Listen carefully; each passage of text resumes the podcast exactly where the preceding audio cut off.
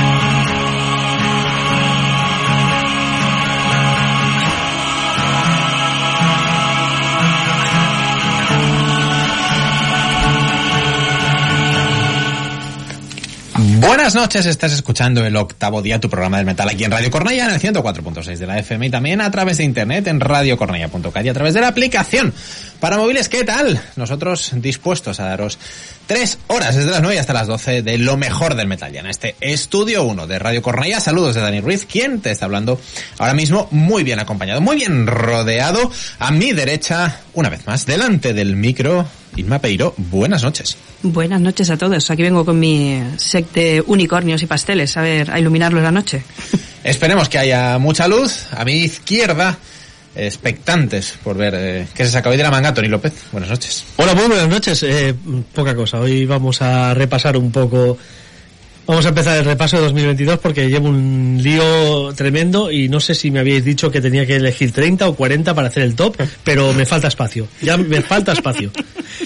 A Tony le falta espacio en febrero, normalmente, imaginaos, en noviembre estamos entrando Agobio, es agobio. La palabra es agobio. en la recta final del año nos queda muy, de hecho nos quedan muy poquitos programas antes de dar paso a las fiestas navideñas, pero hoy recuperamos con gozo y alegría a los mandos de la nave a Xenia y a Sanserric. Buenas noches. Buenas noches. Pues sí, aquí estamos, ahí ya lo que decís, ¿no? Preparándose para ese top anual del cual siempre hablamos con gusto y que aparte dedicaremos un programa entero, como suele ser habitual, el último programa del año, a hablar un poquito, muy superfluamente, porque tres horas es muy poquito para hablar del top 2022, pero bueno, ahí estaremos.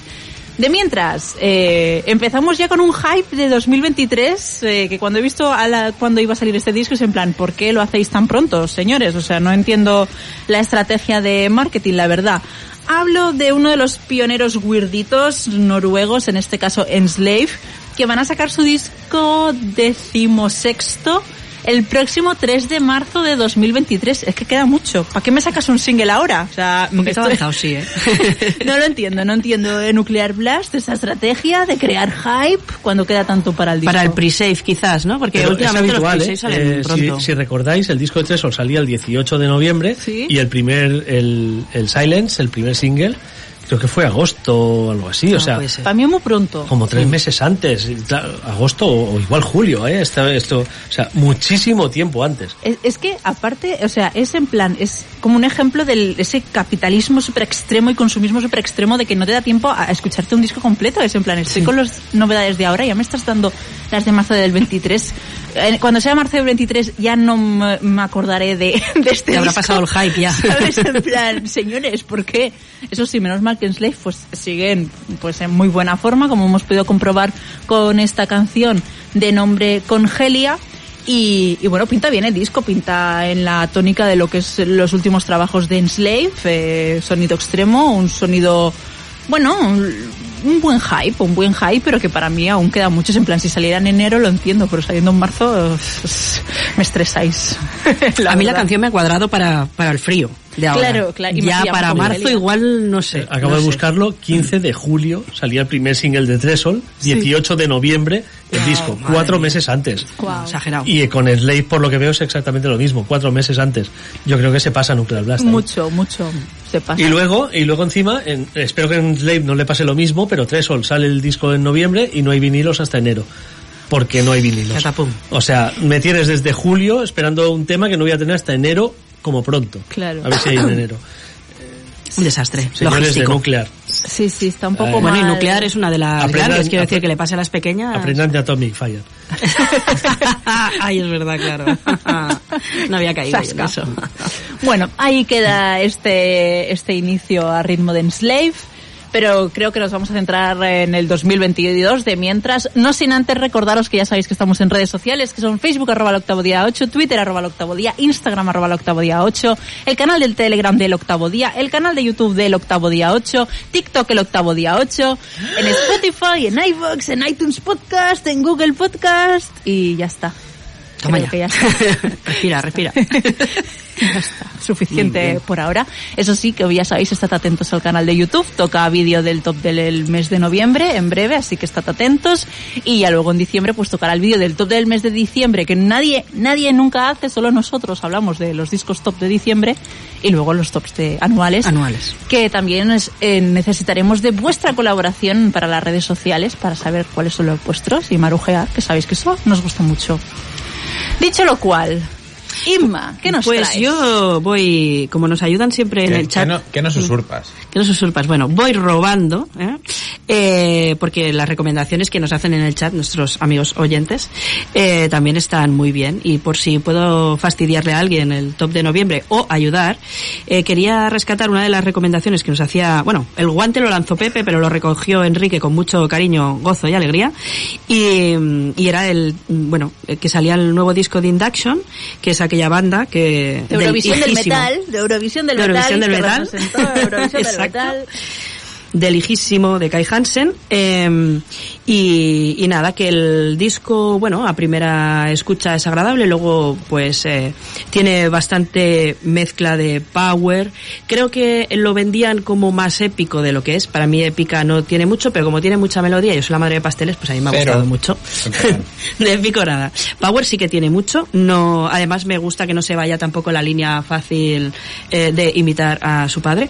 Em, pero creo que ha pasado lo que nos temíamos y que ya hace unas semanas estuvimos comentando. Que el grupo sea ¿cómo era? Sabatonizado o powerwolfizado.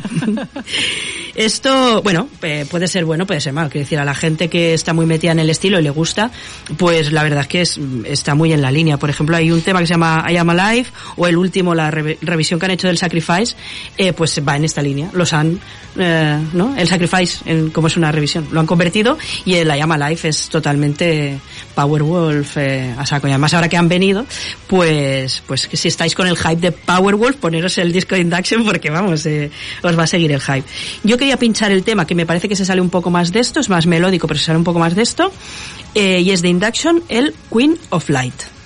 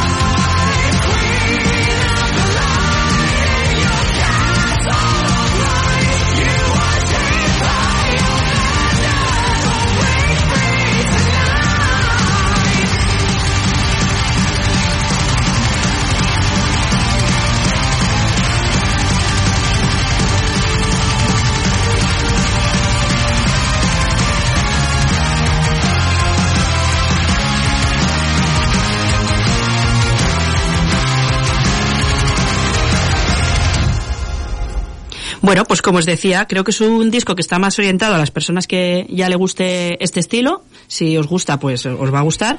Si vas buscando algo nuevo, alguna clave especial, no creo que sea el, el disco. Y la anécdota que quería compartir es que yo, eh, después de escucharme el disco varias veces, elegí esta canción eh, diciendo, bueno, yo creo que esta es la que más puede encajar en mi perfil porque tiene como es más melódica y tal, y más cercana al hard rock. Y luego me di cuenta que es la más escuchada en Spotify. Dije, Inma, no es que sea la más melódica, eres un borreguito y estás siguiendo las directrices del gran hermano musical que te está ahí lavando la cabeza. Obviamente. Pero bueno, eh, ahí queda. Yo lo he puesto, eh, me ha gustado y ya está. Y ahí lo dejo. Que conste que yo no iba a elegir este tema. vale. También lo había traído para pincharlo, Induction, pero no iba a elegir Bueno, dilo y así la gente puede contrastar el tema que he puesto yo y el que hubieras puesto tú. este. No. Como diría la Barceloneta, el que fuera sabido ponido, ¿cuál sería? Pues Heroes Fallen. Quiero Fallen. Venga, pues ya tenéis dos recomendaciones si queréis contrastar, el gusto de Dani y el mío. Yo he escuchado el disco, no lo he traído porque no lo iba a traer, pero lo he escuchado porque, claro, los descubrí con Eurovisión del Metal, que representaron a, a su país. Claro, pero es que aquello es un temazo. Claro, es que un temazo. en lo que comentaba ahora con Inma Microcerrado, es que en ese debut eh, tiene personalidad. Eh, pese a que sabemos perfectamente, o sea, se notan perfectamente cuáles son las influencias, pero tiene como personalidad. Aquí es en plan, ¿quiénes sois? O Bueno, sea, las uno más- influencias sí que Papi Hansen Sí, Papi está, Hansen. Papi está ahí también. Exacto. hermano. Pero bueno, hoy es el primer disco, yo lo entiendo, no sé. Hmm, un empujoncito así para empezar. Ahora Pero solo pues pone, solo pone post de abuelo feliz con el niño. ¿Ah, sí? Mientras el team se va a grabar y a hacer cosas de promo del disco este, él está con el crío ahí, que tiene prácticamente la edad de su novia. Tío. Más o menos, bueno, es información. ¿no? Eso Que- es el salseo de Tori, ¿eh? Tenemos que hacer una sección de Lleva salseo. 40 años a la novia y 60 al nieto. Más o menos. Sí, ¿no? Está más cerca la novia del nieto que de, que de él. Pero, pero es verdad que el hijo eh, echó a toda la banda. Hubo un Sí. follón porque Sí, echó a sí, toda sí. la banda y Sí. se quedó él solo ya Sí, contratado. porque a yo soy el niño de sido. Hansen y hago lo que me da la Eh, gana. Entiendo Sí. que sí, yo también lo percibí como tal. Sí, yo creo que ha cambiado incluso de país, ahora ya no lo podríamos usar. Antes creo que era República No, Checa, no, ahora no. ya no lo podemos No, no, usar. No, no, están, están Ah, ahí, sigue están ya, ahí, bueno. están. De hecho, Kai Hansen vive allí hace mucho vale, tiempo. Así, porque es barato. y es bonito. Debe ser, sí, debe ser. Y hay mucho brutal death. Sí, sí, y Greencore a Claro. saco. Aunque estoy muy enfadada con Obscene Extreme por contratar a agresores sexuales, pero bueno. Oh. Mira, pero bueno, eh, mira, también hay gente que irá a ver a Mugua la semana que viene. Eh, Entonces, sí, de, o sea, de al hecho, final, yo tengo este, este dilema, me molaría porque quiero ver a Ulcerate, que me molan muchísimo Claro. y en directo me molan un montón. pues te vas, cuando acaben te vas. y, y luego están en MGLA y es en plan, hostia, pero... me Esto lo- me lo he perdido. ¿Hay agresores sexuales? en- No. no, hay putos nazis, Ah, nazis. peor todavía. Eh, entonces, Ves a Ulcerate y entonces eh, sales No, diciendo, me voy porque no financio a putos nazis y te vas. ya, pero van a recibir mi, mi, mi dinero. Ya, bueno, van a, van a recibir, mi sí, van a ingresar, Exacto, cierto, o sea, ya tienen su pase. caché... No, no, ya tienen su caché hecho. Ah, igual se puede hacer una campaña de escribir en masa a la No. a la compañía, No, a, la, a promotora y decir, solo queremos pagar la primera parte del concierto. que te den la opción, ¿no? No sé, pero es que son de esas bandas que están en, en, en las webs. Hay una web, ya, ya os diré el nombre, ahora no me acuerdo, que te, te dice el por qué cada banda es nazi. Y, y con MGLA siempre tengo dudas. Sí. Y, y tengo Bueno, ahora un dilema la semana que viene, la verdad. Yo tenía dudas hasta que hablé con un par de ellos después Vale, yo- concierto de Móveda Oh. y te dicen que no, pero haciéndote el sí. Mientras hacen que sí, te dicen que no. Es como, como Marduk. no, no, yo no, yo no. Pero claro, yo qué les voy a decir si a los chicos les da por levantar el brazo, igual están pidiendo taxis. Ya. ¿Sabes? Yo O sea, día le pedí un taxi en Barcelona claro, claro. emocionada. Pedí un taxi y- dentro de la sala bóveda, Sí, lo típico. Bueno, em, veremos. Es, es, sí, es que Dulce Date pica mucho, pica mucho Eh, Dulce Date. sí, sí, sí. Están pidiendo en nuestro grupo de Telegram que digas qué web es.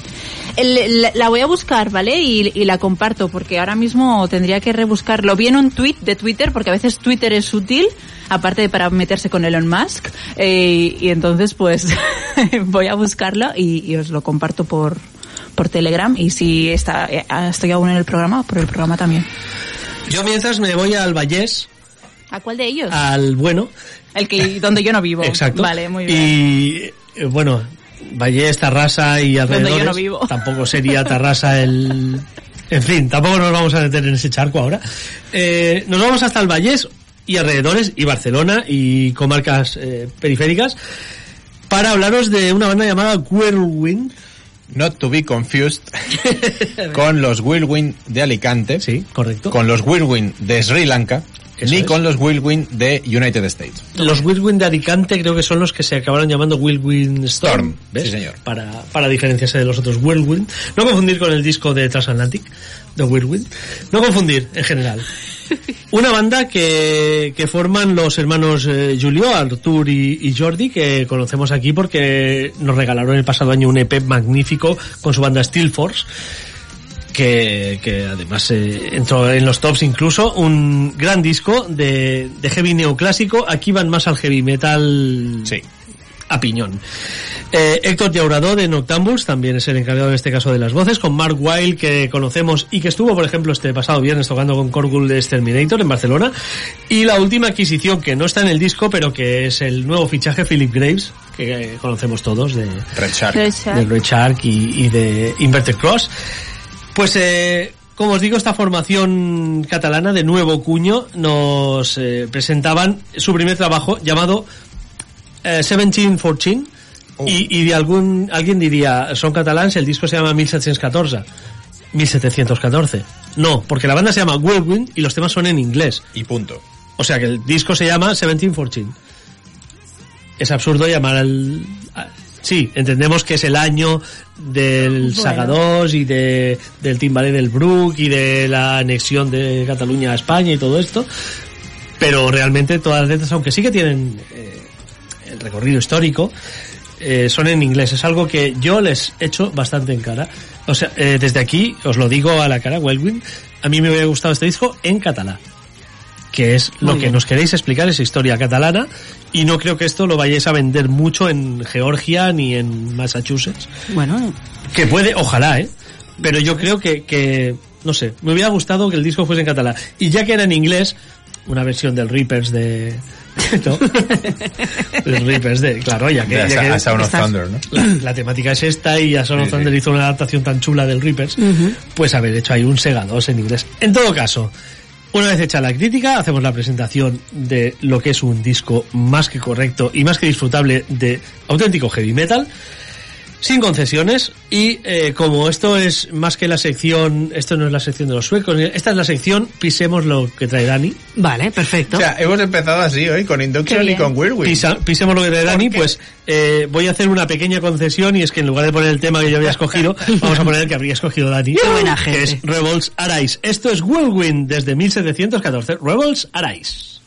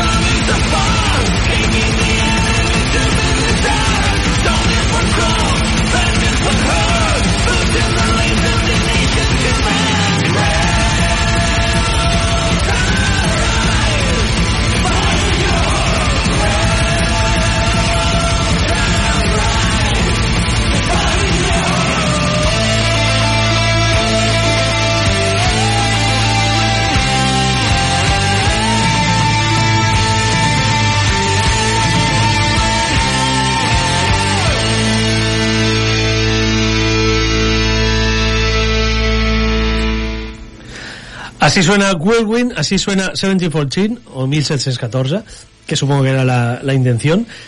Y no, amigos, no, no se llama así porque fue el año de coronación de Felipe V en España, sino, como os digo, por la guerra al Que también. Que también, que también, pero creo que la intención era, era otra.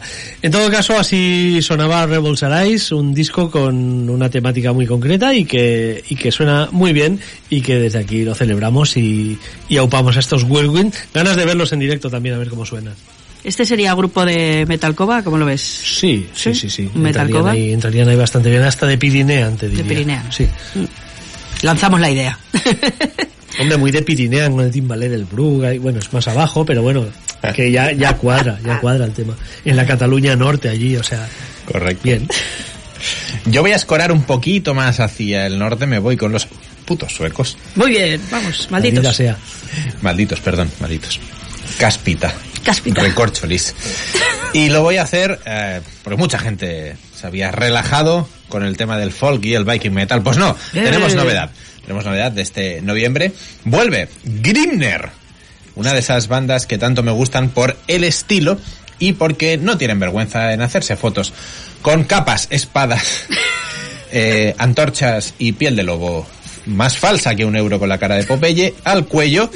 Pero el caso es que se han eh, plantado un pedazo de disco de folk y de viking con todas las de la ley, como es Urfather, perdonad mi sueco, y quería presentarlo aquí en el octavo día. Esto es Ur Bacorna.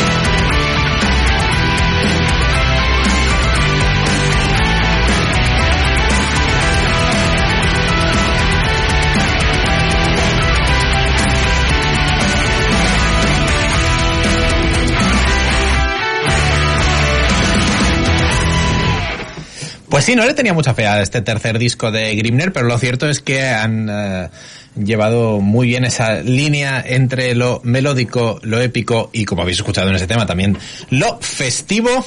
Es un eh, trabajo muy de nicho. Muy, muy de nicho para gente que disfrute mucho del folk y el viking metal. No es ese folk viking, como habéis podido escuchar, más eh, duro, más pélico, más potente, pero si queréis echar un muy, muy buen rato, eh, asomaos a este Urfater de Grimner y además así practicáis vuestro sueco que nunca está de más en los tiempos que corren. Sí, me viene muy bien, eh, concretamente el sueco relacionado con temas folk, vikingos. Claro. es que desde que acabó Vikings, tío, ya no, no ¿Y a quién practico, no? no practico. ¿Y a quién no? Pues mira que han salido series copia. Sí. Mm, Creo, vamos, eh, el algoritmo me recomendaba cosas, Ah, y eso que bien. yo no he visto Vikings, pero me recomendaba cosas del estilo. Intentaron hacerlo con Britannia. Eh, sí, esa, sí- Pero- esa sí la vi, esa sí la vi. Tururú. Tururú. ¿Cómo se llamaba? Había una muy buena que era mejor que Vikings incluso. Hostia, se me acaba de ir. Depende de qué temporada de Vikings ¿Sobre hables, vikingos? puede... No, no era sobre vikingos, era, era sobre británicos también. No Na- sería eh. Nightfall. Ah, Eh, no. Kingdom, perdón. Kingdom, Kingdom. Kingdom. Sí. The Last Kingdom. The Last Last Kingdom. Kingdom. The Last Kingdom. Eh, Basada en Last una Kingdom. serie, en una novela Río. Eh, Grandiosa. fantástica. Grandiosa. Fantástica, sí señor. A mí me gusta más esa que Vikings. Le pasa de pobre chaval, es un desgraciado, le pasa de todo, pero bueno, ya Sí. es eso, una serie es eso. Sí, sí. Desgracias. tal correcto. cual. ¿Qué es eso de ser felices? Sí, Nada. correcto. Y hablando de desgracias, Eh, bueno, No veáis Severance, si no queréis de- ser desgraciados. serie del año. Eh, sí, una mierda. Con el final ese, los, los ¿cuál, odio. ¿Cuál? Severance. Severance. No la he visto. Separados.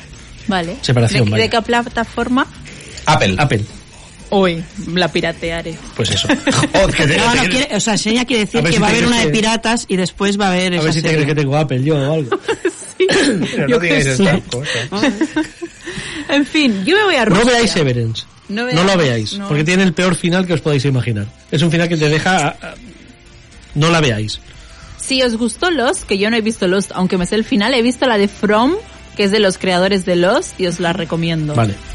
No me gustó Lost. A mí no me gusta, o sea, yo no la he visto. Yo he visto A mí sí, pero la vi en su momento. Quiero decir que igual mi criterio de series ahora ha cambiado, también te lo digo. Está claro. Porque Cero, hace muchos cero minutos años de ya. Lost. he visto. Bueno, From, la puedes ver sin haber visto Lost, porque yo no he visto Lost y he visto From. bueno, eh, tendremos que hacer sección series a este paso, ¿eh? Venga. Eh, o un nuevo programa de series, pero para eso ya, ya está Dani, que ya tiene el suyo. yo me voy a Rusia. Cuña publicitaria, ya que estamos. Yo es que soy poco de eso, pero si nos queréis seguir en La Guardia del Titán en YouTube, perfecto. Y si no, en Radio Cornella, los sábados a las 8, Titans. Series, cine, videojuegos, cómics y superhéroes. Vale, pues ahora nos vamos a Rusia, a black metal. Black metal ruso, ¿eh? Eh, ellos se denominan como post-black metal. ¿Piden taxis estos o no? Es que no lo sé. Necesito encontrar esta web para saber. Vale. Porque ya tengo miedo de pinchar. Porque la pinta es de que sí, pero... A ver, Pero- son, ru- son rusos. Bueno, no son ucranianos, son rusos. Pues Si fueran nos- ucranianos no habría duda. Son rusos, aún está abierta ahí el- Aún hay duda. aún está abierta la posibilidad de que no lo sean. Por favor. Vamos a ir al black metal ruso. Eh, esta banda que se llama Ultar, con temática de adoración a H.P. Lovecraft, la mitología y historietas de Cthulhu, etcétera, etcétera. Algo que nunca se ha visto en el mundillo del metal. Nunca. Que sigue vigente después de muchísimos años, sigue dando... Como el Señor de los Anillos, una cosa que nunca sale Exacto, en el metal. pasa de moda. Y esta gente que yo no los tenía muy fichados, la verdad, pues ya llevan tiempo, poquillo, ¿no? Desde 2011, un poco más en serio en el 2016, pero sí que tienen con este tres discos en su haber, el último de nombre At the Gates of Dust, que vio la luz el pasado 18 de noviembre, y la verdad que yo creo que los amantes del black metal de corte actual, este black metal que estamos habituados a escuchar últimamente, les van a gustar estos Ultar. Y yo os los presento con la canción que abre el disco, de nombre Midnight Walk and Reminiscence of Necromancy, que, que, consta en acta, ¿no? La, la temática de la que hablan estos Ultar. A ver si os gustan. Yo creo que sí.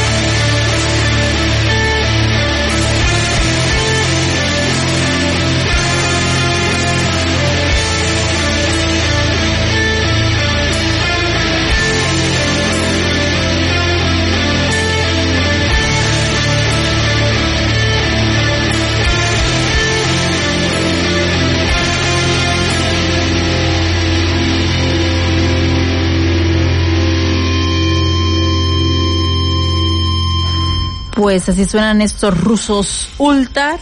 Eh, At the Gates of Dust, tercer largo. Y bueno, lo que os decía, es un black metal bastante acorde a los sonidos actuales, al black metal de, de los dos últimos años, la verdad. Mm, Así que, pues bien, están bien. Para tu información, en la página mm, National Socialist Black Metal no salen. O sea, es un. No Pero, tiene. pero no es esa la página que estoy Tampoco buscando. no. Estoy preguntando en Twitter a mis contactos del metal a ver quién fue el que Tampoco lo salen muchas que, que sabemos que lo son, o sea que no es muy fiable esa que he mirado yo. Pero Hay un departamento de la policía ahora mismo que está tiene el foco aquí. Porque ¿Qué estamos... coño están buscando esta gente? en No, porque internet? yo estoy tirando de datos, no de wifi de la radio. Es igual, tienes no una- soy tienes- Geolocalización. Tienes una IP ahí de puta madre que te dice dónde estás. Bueno, no, no, policía de Cornellá, no. Estamos, es, es, es algo is- de búsqueda No, no, de, esto es la de- DEA. Esto ya de no es- investigación. La DEA. Esto es Esto ya no es con ella. investigación. El agente McMardigan está ahí. Cállate la... En fin, bueno, pues nada, yo me voy a meter aquí en medio a ver si convence a los señores de, de Cornellá o de todos los cuerpos policiales que no somos peligrosos, nos estamos intentando informar solamente para meter la pata. Eh, vale, y yo voy a pinchar una banda que por no arriesgarme no me voy a ir a Rusia, no me voy a ir a ningún, mm, iba a decir, no me voy a ir a ningún país sospechoso, pero bueno, eh, tampoco Hoy en día puedo decir que no. Porque me voy a Alicante, aquí en España, vengo para, para la provincia de Alicante, a rescatar una banda que si bien no han sacado el disco este año, es del año pasado, eh, me vino mm, muy a la mente en relación con el, eh, bueno, eh, a raíz de estar hablando sobre el concierto que viene de Sociedad Alcohólica y Brujería en el Rasmataz el 16 de diciembre. Y bueno, pensando un poco en bandas, porque la- el trilonero, no sé cómo decirlo, el telonero que viene, no acaba de encajar, pues pensando en bandas que dices, jolín, es que podrían haber llevado estos, podrían haber ido los otros, ¿no? Como pasa en el fútbol. En el metal también somos más entrenadores y promotores que, que conciertos hay. Eh, Y luego pues- no vamos. eh, Y luego no vamos. Ponemos, hacemos bien eh, otras quinielas de cartel y luego no acabamos yendo. Eh, en este caso, pues eh, me vinieron Halo Metal Band a, a la cabeza, porque recordaba que escuchando aquel disco del año pasado, eh, tenían mucho de, de- del rollete hardcoreta este de, de SA y el toque que hace también brujería. Eh, por si, yo creo que ya alguna vez los eh, se han pinchado aquí en el programa, pero eh, este tema mm, seguro que no. y bueno, viene del disco, mm, mm, a ver si lo sé decir, que ahora se me ha ido el nombre. Renacer, eh, que es justamente hace un año, es de noviembre del 2021, y el tema que os quiero pinchar se llama Imperio Sumisión. A ver qué os parece.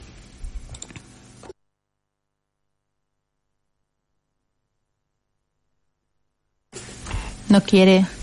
Eh, no sé, igual ya la policía ha empezado a hacer corte de wifi y ya está ya está atacándonos. Pero bueno, y, eh, ellos lo que comentan es que se ven influenciados por Sepultura, Pantera, Machine Head y así un poco el, el metal este noventero, mm, trash metal groove, ¿no? Eh, pero bueno, que no- entiendo que no quiera sonar. yo para, sí, para en tema nacional, yo creo que los compararía más a, a Hamlet sin el, el rapeo de Molly, son mucho, a mí me recuerdan mucho más a Hamlet. Pero bueno, como lo que decía en el concierto de Sea y Brujería, yo los ¿No era, vería no era un disco de Hamlet? perfectamente. Renacer? O- ¿Renacer? No. Mm, no me su- suena. No me suena, ¿no? me suena algo esto de Renacer. Pero es como así muy poético, sí. Podría ser, podría ser bien de, de, de ellos, pero no, no. En este caso, bueno, pues eso, el tema se llama Imperio Sumisión, es del disco eh, Renacer, y no sé si lo puede- sale ya, ¿sí? Pues venga, ahí os lo dejo.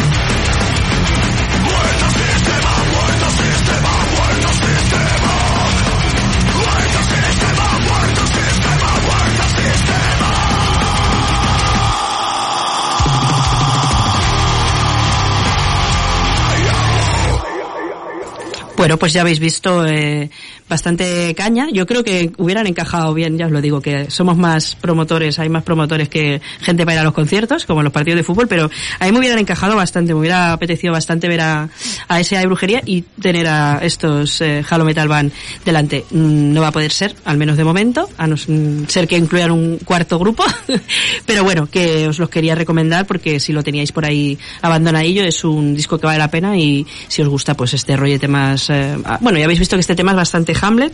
Tienen otros que son más parecidos a brujería eh, pero bueno eh, es un estilo que un metal que es muy potente y que ayuda pues a lo mejor para la lista del gimnasio estas cosas que, que necesitas un extra de energía para para tirar. O sea que aquí os lo dejo recomendado Halo Metal Band Perdón, antes, como, como idea, sugerencia, ¿vamos todos más o menos al gimnasio? ¿Entrenamos los que estamos aquí? yo no para nada yo voy a la calle y ando y ya Bueno, eso también está Pero hago mi deporte, Lo sí. digo para hacer una lista Pero de puedes gimnasio. andar con los auriculares. ¿no? Claro. sí sí sí yo ando con los auriculares Pues efectivamente. lista de gimnasio octavo día. Tendríamos que hacer eso, es como idea, en Spotify. venga Uy, pero yo es que soy muy mío para eso.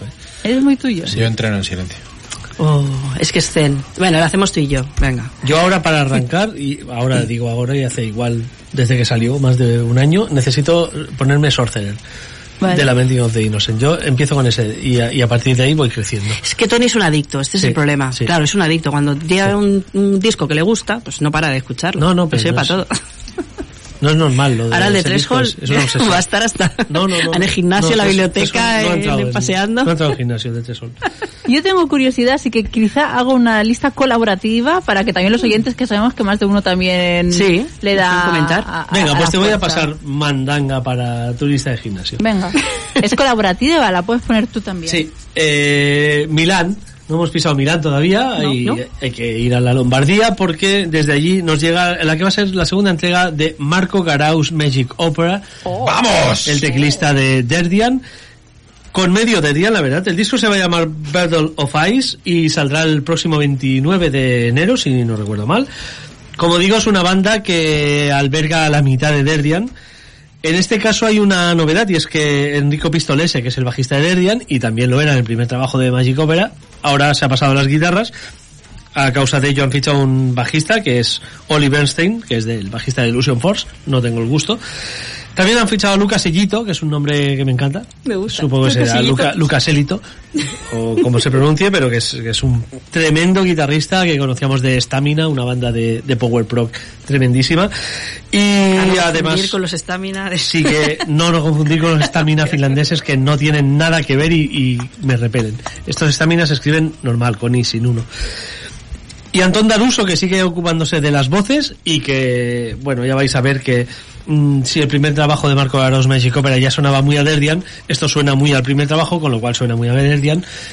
Con lo cual, eh, las esperanzas de ver a Derdian siguen, siguen, ¿no? De crecer. Se desvanecen Porque, claro, totalmente. Si Magic Opera está ahora en esto, si Pistoles ha cogido la Bueno. guitarra, un bajista le das una guitarra y ya no hay vuelta atrás. Ya no va a querer volver a Derdian a tocar el bajo. Vaya. No es así. En fin, que esto es el tema adelanto de, este nuevo trabajo, como os digo, Battle of Ice, que, que sale el próximo mes de enero, pero que ya tenemos eh, un tema de adelanto. Esto es Right Into the Sun, esto es Marco Garaus Magic Opera.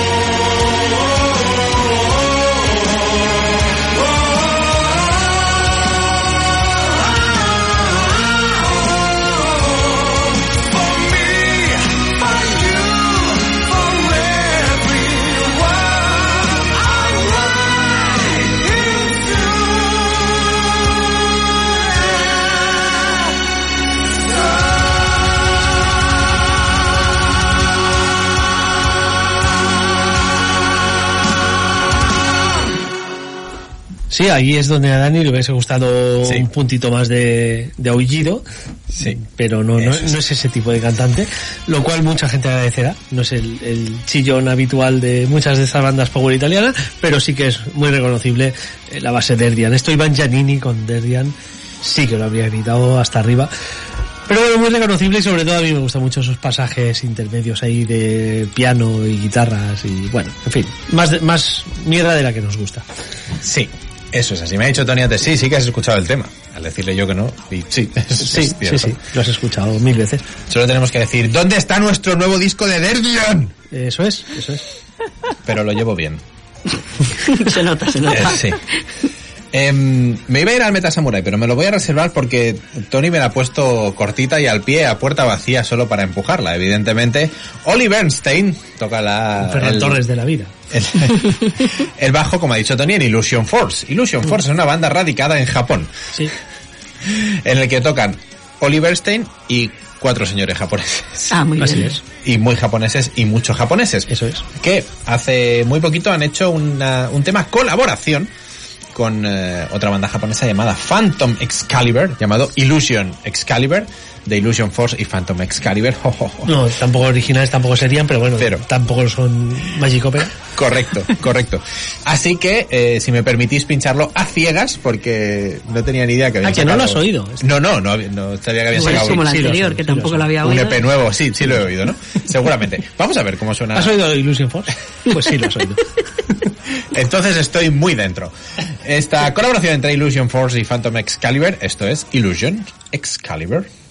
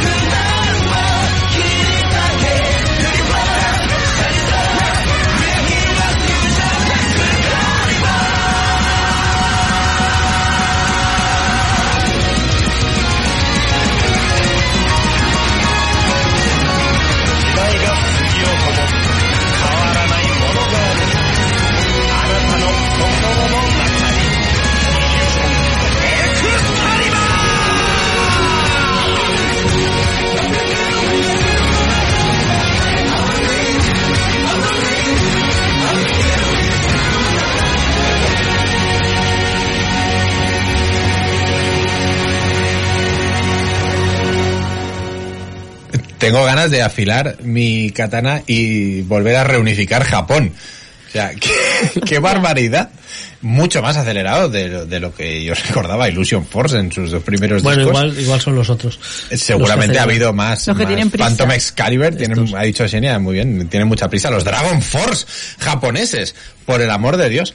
Qué eh, agradable sorpresa. Y este final tan navideño, tan Sí, villancico. ha sido muy curioso esto, es verdad. Ha sido en plan, hola, ¿por que- qué? Sí, no, no es para nada Navidad, porque esto salió en mayo.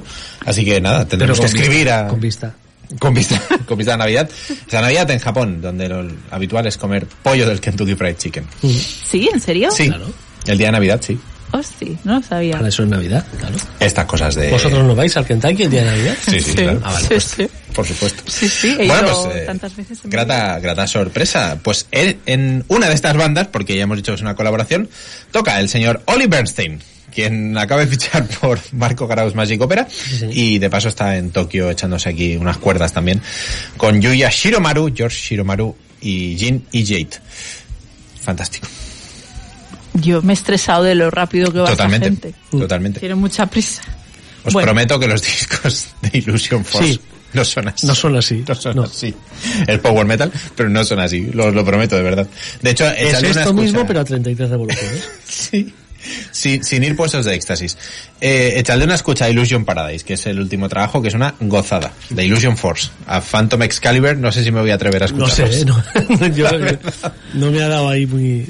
no, no, totalmente. A ver, a ver, yo con esas tantas colaboraciones y tantos grupos y tal, hay momentos donde necesito mi esquema. Sea, igual que hicisteis con Rhapsody, que es complejo. Uy, pero es que hay, aquí, hay veces que... es que aquí hay brazos muy extendidos, ¿eh? Sí, sí, por eso, que a veces- Estamos en Milán y estamos en Japón, o sea... eh, sí, sí, pero que a veces uno necesita un esquema para situarse. Cierto, es cierto que Derdian, y por tanto Marco Agarao igual, el segundo lugar donde más venden es en Japón. Sí. Es Italia y Japón. Son auténticos ídolos de masas en Japón. Cuando, de hecho, más ídolos de masa incluso que en Italia. Eh, pero bueno, son ese- esos fenómenos que suceden en Japón que de repente hay bandas que son auténticos dioses allí Que nadie y en su casa nada. no los conoce. Sí, sí. Sí, sí, correcto. Bueno, que lo disfruten. Que lo disfruten. Sin duda. Es- pero me temo que Xenia no va a traer power metal. No, eh, traigo cosas rápidas, eso sí, Ah. traigo una cosa rápida, pero no es power metal. Y para eso nos vamos a Finlandia, porque estos grinders fineses, iba a decir por excelencia, pero seguro que hay algún grinder más finés también excelente. Eh, pues bueno, mm, pues para no dejarlos como los únicos, ¿no? Para mí son uno de mis favoritos, que son Rotten Sound, una banda que lleva desde 2016 sin sacar un disco, ni siquiera un maldito EP, son unos vagos porque viven de hacer conciertos de forma puntual y, y bueno, y de sus trabajos diarios, pero es en plan, chavales, desde 2016, eh, a ver, un disco vuestro que son 10 canciones, dura 15 minutos, pues no sé, creo que es fácil de hacer, ¿no? Eh, ya va siendo hora, eh, trabajad un poco. Pero bueno, yo he querido recuperar eh, su EP de 2006, ese Consume to Contaminate, un EP que me gusta muchísimo, es de mi top 3 de, de su discografía. Un disco que salió a la luz después de que para mí su obra máxima y la culmen, como es Exit. Y, y bueno, pues nada, recuperamos este Consume to Contaminate de Rotten Sound con la canción más larga del EP de 3 minutos. Eh, ¡Guau! Tampoco mucho, ¿no? No nos vamos a esforzar mucho más.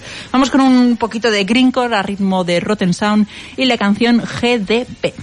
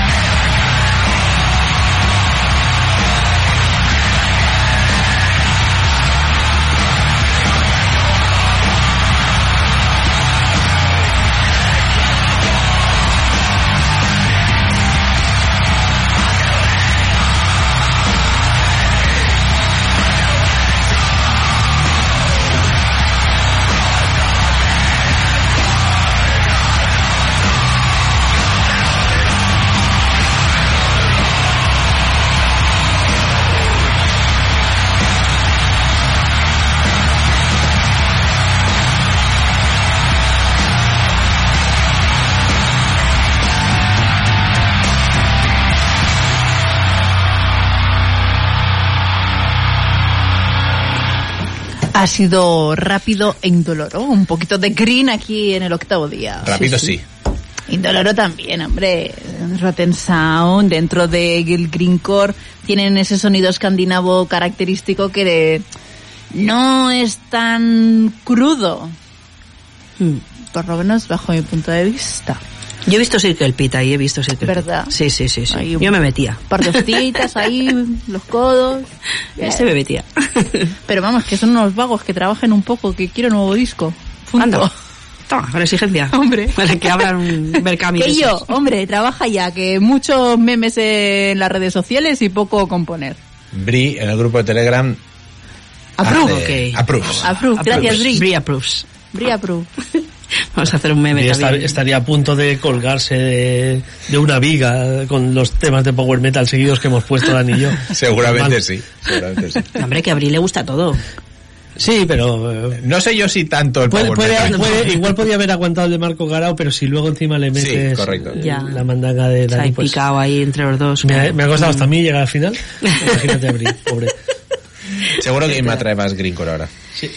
Bueno, tampoco te creas que me a traer un metal un poco moderneo, pero es que esta semana mm, he tenido un hype muy grande con este single. Eh, es una banda de Granada que se llama Eleven eh, y en el single anterior ya me picó la curiosidad. El- la verdad es que los discos anteriores no mucho, pero mira, el single anterior me picó bastante la curiosidad y el de esta semana pues he tenido mucho mucho hype con él y quería compartirlo a ver si, si os gustaba. Esta es una banda que se formó en 2016, como decía, de, de Granada. Y, y bueno, han ido, yo creo que han ido creciendo, han ido madurando en el ritmo que se requiere, porque ni corrieron demasiado, hicieron las cosas rápido y mal, ni van demasiado lento. Y lo digo porque, claro, los trabajos mm, cada vez van un poquito mejor, más bien afilados, más bien apuntados, eh, el tema merchandising, el tema de cómo se exponen a los medios, de cómo van vendiendo los conciertos. Yo creo que está creciendo al ritmo guay que tienen que hacerlo. O sea, no será un, una banda de, de One Hit Wonder, pero van a- tampoco van demasiado despacio. Como decía Isenia, no son vagos de estos de que no sacan disco. Entonces creo que el ritmo que están siguiendo es el bueno. Eh, Y si no, bueno, mirad los videoclips últimos, porque si los comparáis con los primeros, los últimos son prácticamente películas, por poner un ejemplo.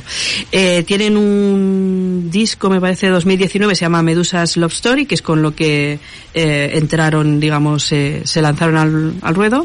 Y luego en 2021 sacaron un- otro disco que se llamaba Into the Oceans, que bueno, ya era el siguiente paso. Como os decía, cada disco pues han ido creciendo un poco más. Em, el anterior single se llamaba Stronger y el single que os quiero pinchar hoy se llama The Sniper. Aquí os lo dejo.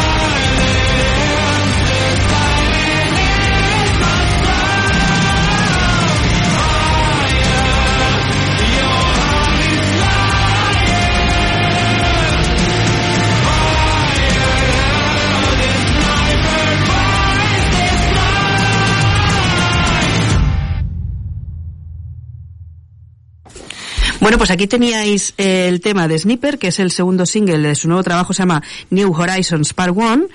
Eh, está disponible ya en preventa si sois tan tarados como yo y ya está, eh, os ha enganchado tanto como a mí, que sale el 3 de febrero por Art the Gate Records. Y la banda la componen, es que antes, como ha dicho no- Tony, un nombre de un componente de una banda que era gracioso, pues yo quiero decir los nombres Sellito. españoles porque son nombres que... ¿Te ha gustado pueden- Sellito? Sellito me ha gustado Pues es mucho. un gran, gran guitarrista. Yo te, te contrarresto con Higinio Ruiz, a ver si te gusta este, a las voces y las guitarras, Bien. Álvaro Castilla, guitarra, Quique Martín al bajo y Matías Fama a la batería Fama, pero así ya con acento, con arte, ¿eh? son de grana. Este tema posiblemente, si eh, os criasteis en los 90 o si habéis escuchado música de los 90, os ha recordado a System of a Down, es posible, es posible, no lo descartéis, pero bueno, eh, en general eh, el disco pues parece que va a tener esta dinámica... Decía eh, yo, me suena algo, me suena algo, era System of A System Down, of a. Down. Sí, sí. Sí. Muy de Chop Suey, yo. Mm. Sí, sí. Es una canción de System of a Down, Chop Suey, ¿no? Sí. Sí, sí, sí. Cosas. Wake up. Esa. Y nada, y con ello os lo quería recomendar por, por mi super hype, que me he tenido que contener toda la semana y no ponerlo en el chat de Telegram, me lo he contenido y os lo he traído aquí como una señora.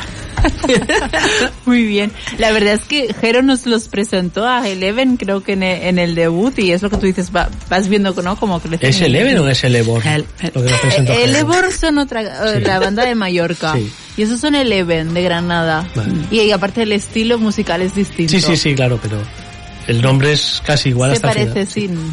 A mí me ha gustado el concepto de Eleven es 11 en andaluz. Sí. Eleven con H es 11 en andaluz. Eleven. Joder, con las bromas. Estamos, estamos. Ahora Mira, mismo Senia, sálvanos, sálvanos, la porque gente- Tony y yo estamos en un está la gente mirando el mundial, no nos escucha nadie. Senia. Ya, pero esto queda grabado y vale. luego nos Mierda. escuchan Mierda. en diferido. un- Plan Sálvanos, pero rompe el bucle, Senia, rompe el bucle, por favor. Pues mira, voy a crear un poquito de, de debate, por lo menos para saber vuestra opinión, porque voy con una banda que es eh, como leyenda en esto del metal, como son Candlemas, que ya sabéis que el pasado 18 de noviembre editó, eh, bueno, dio a la luz su disco número decimotercero de estos suecos, que es- ya son muchos. Yo pensaba que tenían más discos, la verdad te de decir, llevan tantos años que pensaba que tenían más, pero... No, están bien Es- repartidos. es- está- exacto, es correcto. Los percusores, como dicen ellos, de este Epic Doom Metal, que ya se le ha quedado ahí la etiqueta por el disco. Totalmente. 10 canciones de apenas 50 minutos de duración. La misma fórmula, el mismo Epic eh, Doom Metal, eh, es decir, mm, lo que Candlemas lleva años ofreciendo, lo que se espera de ellos, y es lo que tenemos, ¿no? Con el cantante este, el primero, que ya lleva creo que un par de discos ya con ellos, ya no tenemos a Mati, no tenemos a Mesaya, ni Fue- siquiera colabora. eh, recuerdo exactamente cuándo entró porque fue en el fue en 2016 ya. O sea, hace Sí, ya sí, seis ya- años sí. porque yo iba al Metal Italia 2016 en el que el día uno era Hammerfall, el día Power y Heavy era el cabeza de cartel y el día dos era Candlemas con Max Liven. Y justo antes de ir dijeron Max Liven se ha ido, vuelve el cantante original. A lo que dije, pues me ahorro el segundo día porque solo me interesaba Candlemas y ya los veré. Sí, pues Candelmas en directo a, a mí me gustaron. Sí. Les he visto yo con Mati y con Mesaya, con el actual no, pero pero bueno. Yo tuve un momento en directo muy chungo con Candlemas, que es estar fuera de la carpa de Rockfest donde tocaron y estar tocando bus en el escenario principal y por mi oreja izquierda entraba bus y por la derecha Candlemas. Oh. Estaba en un punto donde le entraban los dos mezcla. conciertos a la vez y fue una cosa o bus haciendo Epic Doom o Candlemas haciendo Heavy Metal. Fue una fue un momento muy chungo, ¿no? muy chungo. No lo recomiendo. Yo no sé si habéis escuchado el disco. Sí, ¿habéis- ¿Sí? pinchamos un tema aquí hace Sí, lo sé, lo tres sé. semanas. Lo, lo- he comprobado antes de, de- de compartir el de hoy. Compruebo las cosas, Tony. Bien, bien. Pues nada, vamos con Scandinavian Gods, que me parecía un título muy acertado para hablar de, de Candlemas en sí.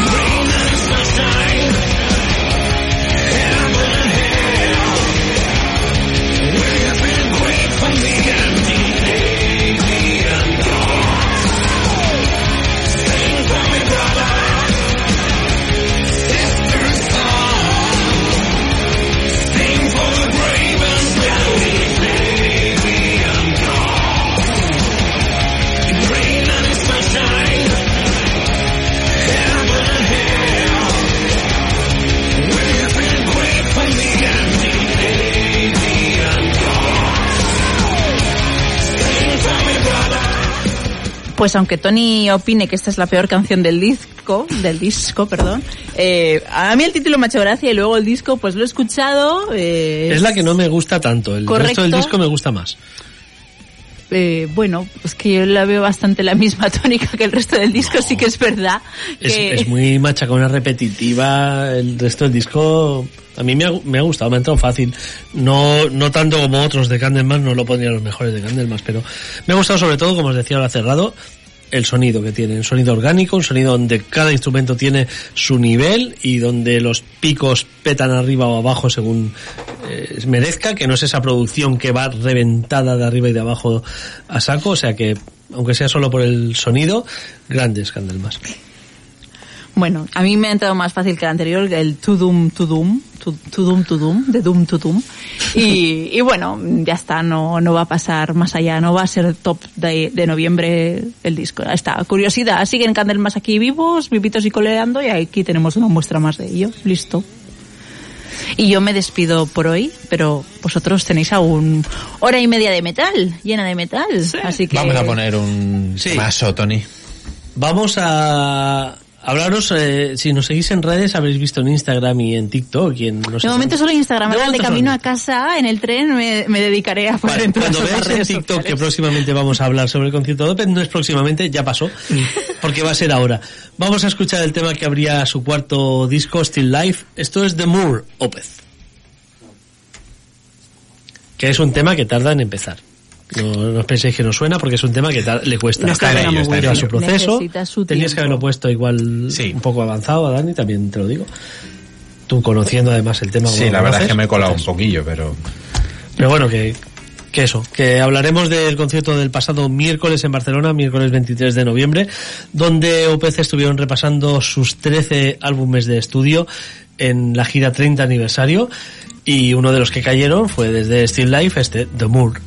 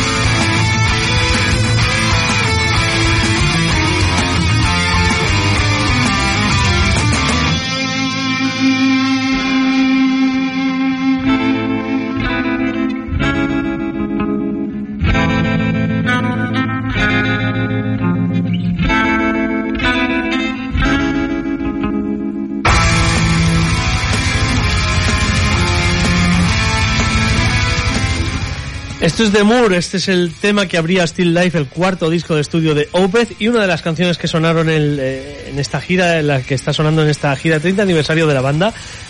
Cuando escuchéis pasajes acústicos como los que acabamos de escuchar justo antes de esta parte, por favor callaos. No paga la gente 40 euros para ir a un concierto a escuchar cómo explicas tu vida a tu compañero al lado, que seguramente a él tampoco le importa en ese momento una mierda lo que le estés contando, porque también ha ido a ver el concierto. Pero a la gente de alrededor le importa menos todavía. Dicho lo cual, la gente que estuvimos en primeras filas o en el centro de la sala, disfrutamos bastante de Opeth, pero la experiencia fue bastante lamentable para mucha gente que estaba en la periferia de la sala Ramataz, una sala a reventar, como pocas veces la he visto, unas 1.500 personas aproximadamente, cuando el aforo legal sería 1.200, pero se comentaba que había unas 1.500, 1.400, a saber. En todo caso, un concierto muy incómodo, Ramataz 1 lleno es incomodísimo y, así sucedió. Pero nos vamos a centrar en lo musical una vez hecha la crítica a esta gente que encima he estado viendo esta semana por redes, gente quejándose porque en la crítica de Science of Noise que hizo Jordi Tárrega, pues hablaba de la gente que se pasa el rato hablando en concierto. Y gente haciendo comentarios diciendo, si te parece, vamos a ir como si fuera misa. Pues si eres tan hijo de puta para callarte en misa, cállate también en un concierto de Opeth. ¿Vale?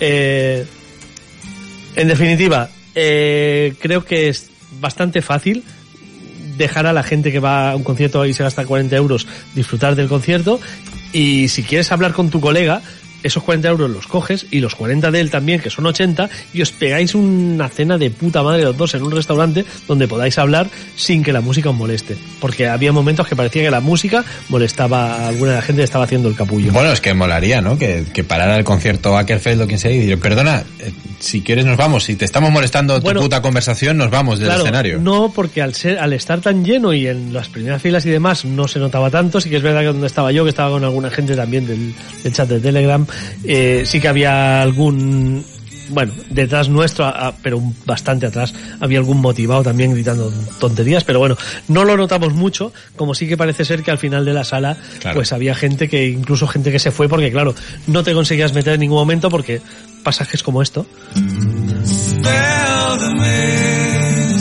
si tú ves esto, si estás en un concierto y ves esto, cierra la boca, tío. Es que no me interesa lo que me estés explicando, me lo cuentas luego a la salida.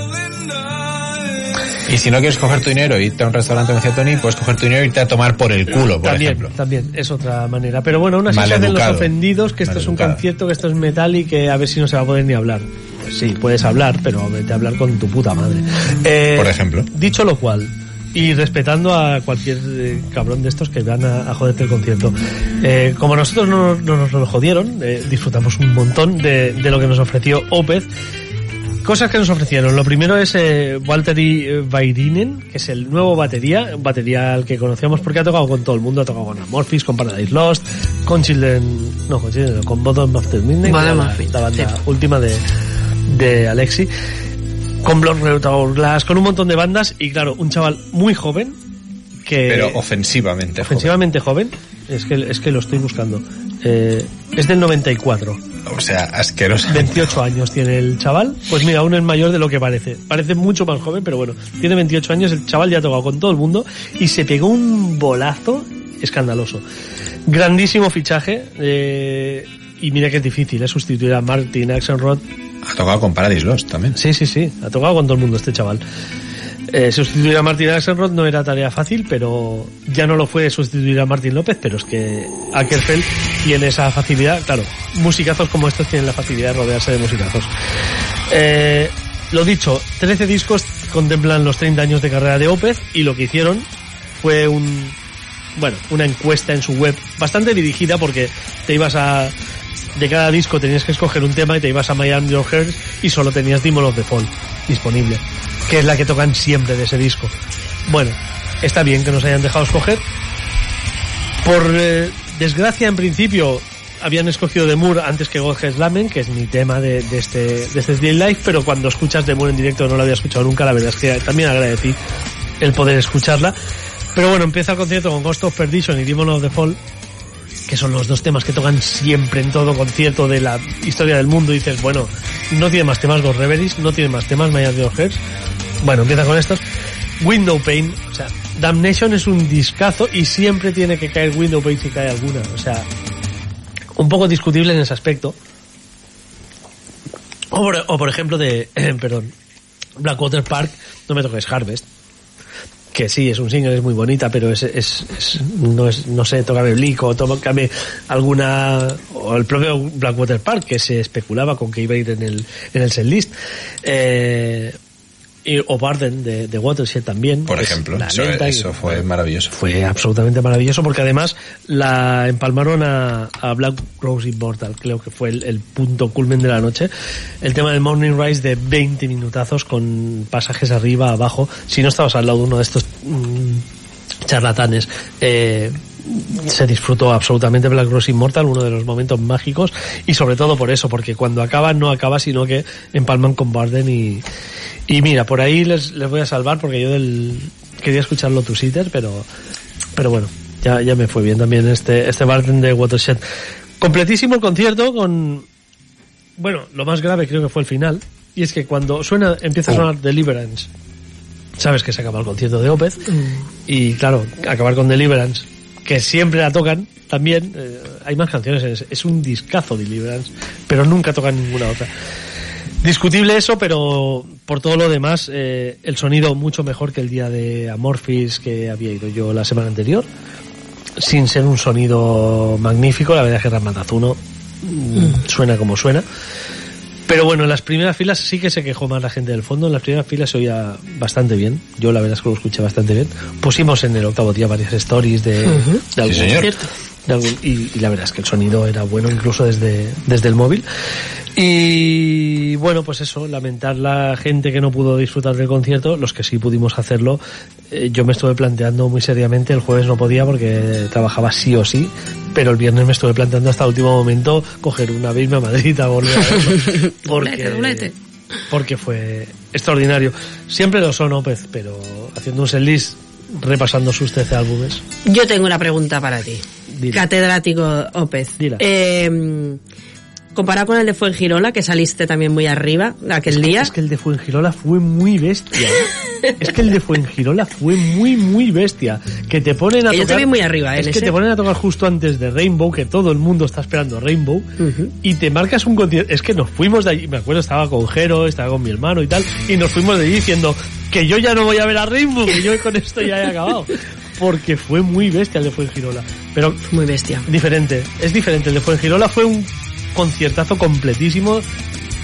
Es que, es que con Opeth, te iba a decir, de los más completos que, es que es el del Deep Rock fue espeluznante. O sea, es que Opeth siempre, no he salido nunca de Opeth diciendo que bajón. Y este fue especial por eso. Por temas que tocaron que no has oído nunca y que posiblemente no vas a volver a ver nunca. Gracias, Tony. me sangra más la herida todavía. No, Dani. Me, me sangra me, me sangra mucho. Yo los, he- los he podido ver tres veces en, en directo, pero bueno, eh, lo, lo hablaba con un conocido el día después del concierto, un par de días después. Yo cierro la persiana a las ocho y cuarto. Si el concierto de OPC empieza a las ocho y cuarto, es imposible Exacto. que yo esté en Barcelona para verlos y no me puedo permitir el perder media jornada de trabajo para, para ir a un concierto. Entiendo que no llueve a gusto de todo el mundo. En esta ocasión me ha tocado joderme a mí porque el que se levante a las 5 de la mañana para ir a currar le va muy bien llegar a su casa un poquito antes, evidentemente. Pero bueno, viendo el setlist, etcétera, me ha dolido mucho. Sí, y como digo, eh, aquí cada uno, si te dieran los 13 discos y pusieras tú un tema, seguramente nadie acertaría, pero claro, al final es que te tienes que rendir a, a ellos porque, Absolutamente. eh, aunque nos dieron, como digo, pocos caramelitos como este de Moore y como el Black Rose Immortal y no sé, ahora sí de memoria. Ah, el, el Altin Tarslut, que es la All Things Shall Pass del último disco. Me gustó mucho no solamente la selección del tema, que es el último tema de- del último disco, sino que hicieron la versión sueca. Ah, Y sonó además muy bien. Fue además el último tema antes de los bises. Me gustó mucho la elección de, de, de esa canción. Sí, porque además insististe mucho en las versiones suecas. Sí, Yo me acuerdo cuando salió el disco es que, dijiste, escucharos bien. la sueca, es que tiene, la es que tiene una tiene una musicalidad muy chula el, el, el disco con las versiones suecas. Mm. Sí que es verdad que no entiendes nada, pero es que al final en inglés mucha gente aquí tampoco entiende nada. Entonces al final es la musicalidad un poco lo Mm. O que quizás te- tampoco le estás prestando atención. A lo mejor Sí. cuando estás más enfocado en la música, estás dejándote llevar y no estás mirando tampoco lo que dice cada letra, ¿no? Aunque es posible, es entiendas inglés. Hay gente que les ha acusado de eh, Steven Wilsonización. ¿Cómo estamos hoy? De hace tiempo, ¿eh? Es cierto que los Esto. últimos discos eh, tienen ese componente y hay, bueno, algún tema del último disco, incluso el videoclip que parece hecho por el propio Steven Wilson y la canción suena a eso.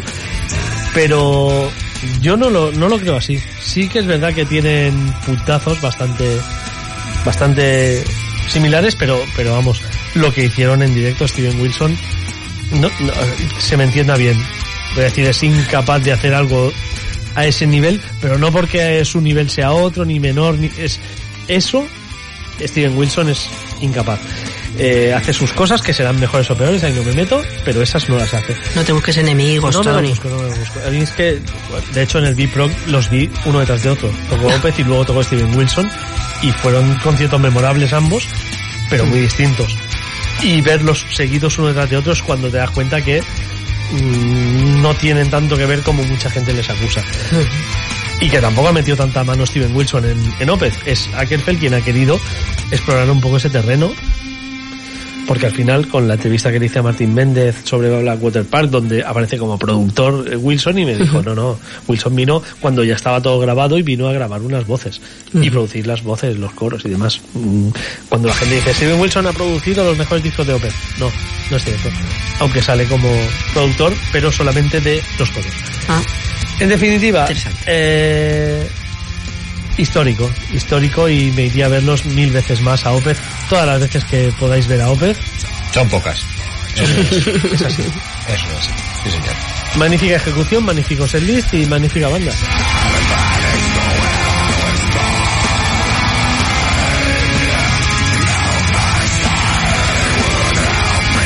Es cierto que esta semana ha habido muchos más conciertos. A mí no me mires, yo esta semana he librado. he librado de concierto esta semana. La persona muy tarde, pero vamos a hablar de ellos. Hablamos de Powerwolf que tocaron el lunes. Sí, señor. Powerwolf, eh, que además, por lo que hemos escuchado, eh, tuvo bastante buena acogida, ¿verdad? Sí, y Con Workings. En, Drama- en Y con- Dramazuno también. Ujú, Razuno. Eh, luego el, el martes eh, fue el turno de Udo en Salamandra, Ujú. conciertazo con sus clásicos y dos o tres temas de Acid que siempre siempre son de agradecer, aunque antes no los tocaba y ahora ya va incorporando temas de Acid al repertorio. Vaya. Al principio estaba muy renegado, sí que es verdad. Pero bueno, yo tengo que decir que lo he visto un par de veces ya eh, haciendo aniversarios de ACET y tampoco se lo pasa tan mal últimamente. No, al principio no, era más pasa- reticente. Lo que pasa pero- que hizo el tema de hacer Disneyder por un lado y Udo por o sea, Mm. cuando iba como Udo son temas suyos y cuando va como Disneyder son versiones de. Versiones Vale. que eran los que iban a telonear a Halloween en un principio Mm. y se cayeron y entró Hammerfall, por desgracia. Eh, Vale, luego el miércoles teníamos a Anvil, aparte de Opez, estaba Sí. Anvil en la bóveda. Y debo también. decir que Anvil es una banda que siempre ha defraudado mucho en directo, que es una banda que no tiene tanto seguidor como, como parece y que además los pocos seguidores que yo conozco y tal de ellos siempre han rajado mucho de ellos en directo. Vaya. Y parece ser que en esta ocasión estuvieron muy bien. Ahora, para fastidio de los También tuvieron aquel repunte con el documental, Sí, ¿verdad? etcétera, pero vaya, es decir, Bueno, tuvieron un repunte básicamente que en un documental de Metallica salía un cartel donde teloneaban Metallica a Anvil y mucha gente dijo, hostia, qué buenos deben ser estos si Metallica les teloneaba. Eh, Bueno, que hicieron es un que- documental aquel de que eran curritos, Sí, iban sí, a sí. trabajar y no sé Sí, qué. Este tuvo mucha claro, sí. repercusión. Eso- este- eso y de repente, ¿no? Lo que pasa, con, con perdón por la eh, comparación, pues, lo que pasa cuando muere alguien, de repente todo el mundo es fan. Sí, sí, de sí, repente sí, sí. todo el mundo era fan de Anvil y, Y todo el mundo los había quería visto todo y el mundo no había visto- y todo el mundo quería que Anvil volviera a decir, Sí. bueno, pues, pues, ir a verlos cuando toquen, coño. Exacto. Correcto. Sí, sí. Luego también... Eh, decir que con Opeth tocó Boybot, abrieron Boybot también, Mm. que, que creo que pegaban más con Anvil que con Opeth. Posiblemente. Sí, pero, pero muy- fue muy curioso ver, verlos y hacer una versión de Pink Floyd también con ese trash progresivo que hacen. No sé, estuvo, estuvo curioso el concierto de Boybot, la verdad. No sé si iría a verlos si vinieran solos. No sé si me dio para tanto, pero estuvo, estuvo curioso, la verdad. Eh, el jueves no sé qué había, no tengo conocimiento. Ayer viernes sé que tocaban Korgul de Exterminator y Barbarian Source, una cita y Metator, y Metator. una cita a la que debía haber asistido, pero fue imposible finalmente por temas logísticos y de trabajo y demás. Con lo cual eh, nos plantábamos en el sábado. El sábado con los Noctambuls. Los Noctambuls, correcto. Ujú. Eh, Que este Sidecar, era en Bóveda. Sidecar. No, en Sidecar. Sí. Sidecar. Un concierto que también nos habría gustado estar y hoy que tenemos a Alfonso allí destacado en, In Flames con At the Gates. Y, hay también Solape con Solape con Nile y Crisium. y Crisium. Ujú. Sí, sí, sí. O sea, la semana, el que no ha ido a concierto o porque no ha podido por horario, Es la semana más O porque no tenía de dinero, porque- seguramente del año, ¿eh? Esta. Virgen Santa, todos los días, todos los días ha habido, no menos el jueves, ha habido concierto todos los días y dos días doblete. O sea que, no sé. Mm. El viernes que no es que metalero viene- porque no Exacto. El viernes que viene estaré yo en Razmataz 1 intentando sobrevivir, básicamente, y de fondo tocarán Airborne. Exacto. quiere. Hombre, a Blues Pills no va a ser a verlas. Les, los, lis. ¿Tocan antes que Airborne? Sí. Pues tendré que estar allí por cojones para intentar sobrevivir. Verdad, hueco antes. No, no es nada mi estilo, pero en el Rock Fest me gustaron. Ay, me gustan mucho. Pues ya os lo contaré. Mi estilo son, mi estilo son. Y yo mañana me voy a ver a Clutch, que os di la tundra, la turra la semana La pasada. tundra, nos diste la tundra. Os di la turra la semana pasada por una razón concreta, que es que mañana eh, tengo concierto, así que estoy súper emocionada. De, me llevaré todas mis camisetas de marihuana que tenga disponibles. Ah, no, no. Y voy a, Maravilloso. y voy a ir allí a- al Apolo a, a ver si... A los porretas. Sí, la verdad es que no, no voy a ponerlo de otra manera. Va a ser así. Mucho humo. Mucho humo y azufre. Pues vaya, sin, sin tener a la jefa haciendo agenda de conciertos, nos ha quedado aquí la mar de bajo el repaso, ¿eh? A la La verdad que sí. pasada y próxima. La verdad que sí. Vamos semana a semana. Eh, ponemos más música, si os parece. Sí, yo me traslado a la región de Marigneux, Auvergne-Rhône-Alpes, en. Francia. Sí. Hostia, qué acentaco tú. ¿Has visto? Con una banda que acabo de descubrir, aunque tienen más discos que Iron Maiden, como son Black Rain, banda inicialmente afincada en el speed power metal, actualmente en el glam rock, y que acaban de editar Untamed, su nuevo trabajo que, mm, pues eso, nos, nos va a traer un poquito de hard rock. Yo lo traía pensando, pensando en que a lo mejor iba a pisar a Inma, pero resulta que no. Para quien, como yo, no conozca a estos Black Rain, suenan así, Untamed.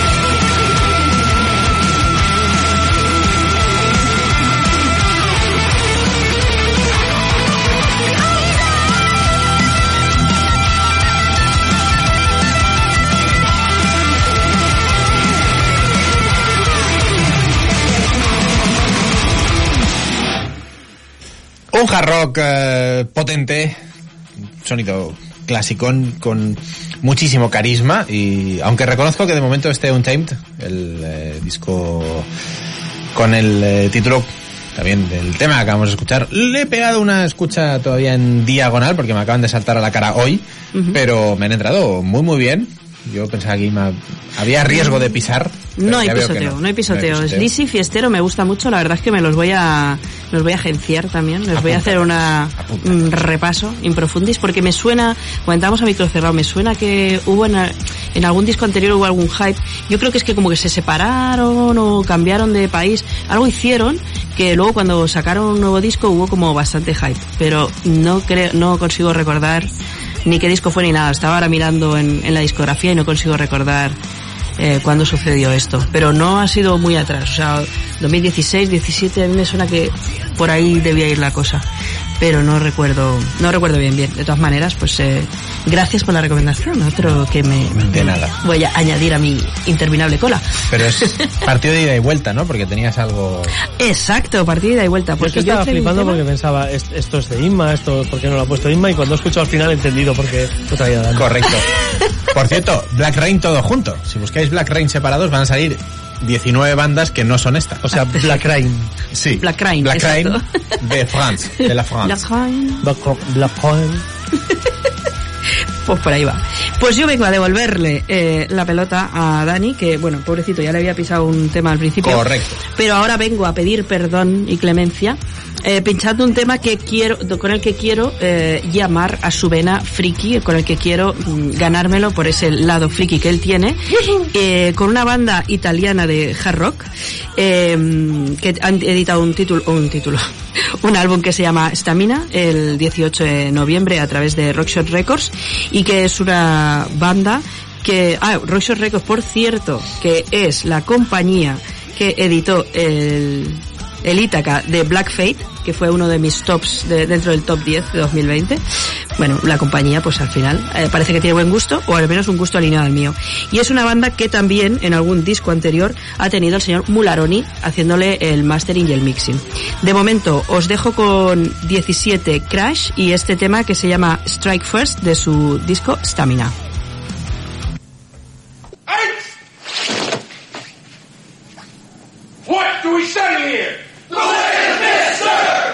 And what is that way? Strike first, strike hard, no mercy, sir! I can't hear you! Strike first, strike hard, no mercy, sir!